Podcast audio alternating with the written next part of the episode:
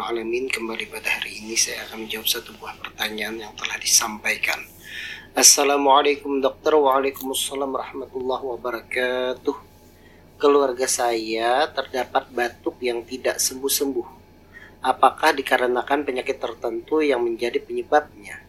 Lalu apa beda TB dengan bronkitis? Bagaimana cara mengobatinya? Mohon penjelasannya dok. Saya ucapkan terima kasih dari Riswanto. Baik Bapak Riswanto, terima kasih banyak atas pertanyaannya.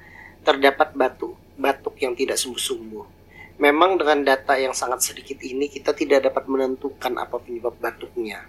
Tapi batuk yang tidak sembuh-sembuh itu berarti ada sesuatu hal penyebab yang memang tidak diketahui, yang tidak diobati, yang menyebabkan batuk tidak sembuh-sembuh ada beberapa penyebab. Yang pertama mungkin saja uh, seseorang tersebut menderita alergi yang menyebabkan batuk terus-menerus.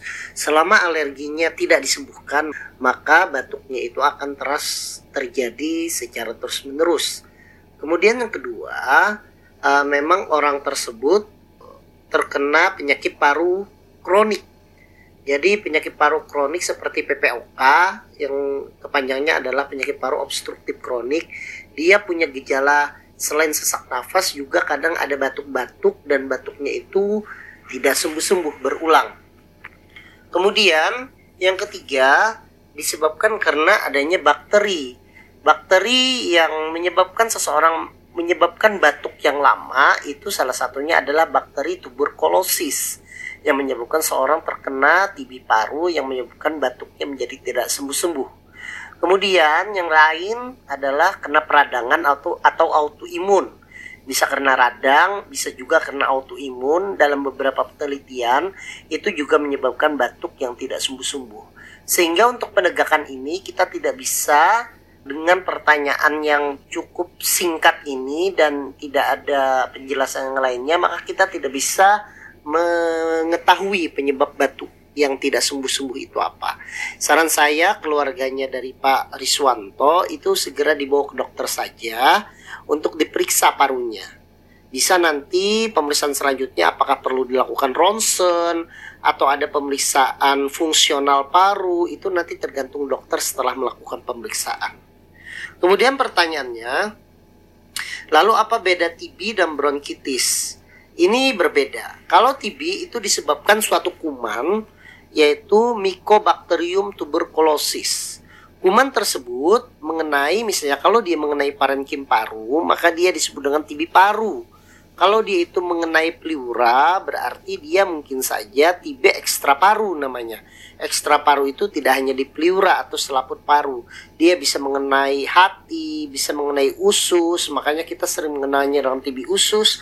Dia juga bisa mengenai tulang, disebut dengan TB tulang, dan sebagainya. Tapi secara umum yang menularkan itu adalah TB paru. Nah, TB paru tentu berbeda dengan bronkitis. Kalau TB paru itu disebabkan tadi karena bakteri yang disebut dengan Mycobacterium tuberculosis sehingga pengobatannya itu harus rutin. Dalam guideline yang ditetapkan oleh WHO bahwa pengobatan TB itu harus rutin selama enam bulan.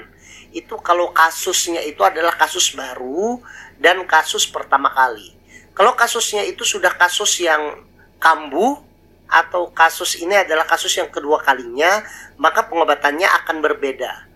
Bahkan sekarang ini pasien-pasien dengan komorbid artinya dengan penyakit-penyakit penyerta, misalnya HIV atau misalnya dengan diabetes mellitus, kadang ditemui pada beberapa beberapa kasus sudah terjadi namanya resisten obat TB atau disebut dengan multi multi drug resistant MDR TB.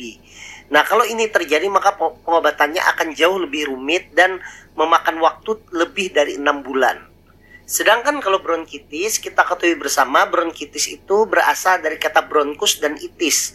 Bronkus itu adalah saluran nafas dan itis itu adalah peradangan. Maka kalau bronkitis berarti dia itu adalah radang saluran pernafasan. Nah, radang saluran pernafasan ini banyak penyebabnya. Bisa karena alergi bisa karena virus bisa karena bakteri. Tergantung. Kalau dia kena alergi maka dia disebut dengan bronkitis alergika.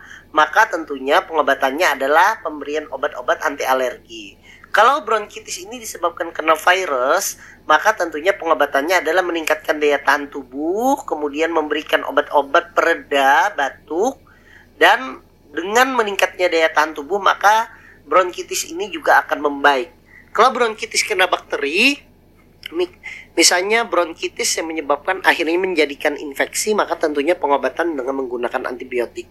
Jadi ini adalah pengobatan yang berbeda Ya, saya harap apa yang saya jelaskan ini bisa bermanfaat untuk Pak Riswanto dan saya doakan semoga uh, keluarga Pak Riswanto segera diberikan kesehatan oleh Allah Subhanahu wa taala. Wassalamualaikum warahmatullahi wabarakatuh.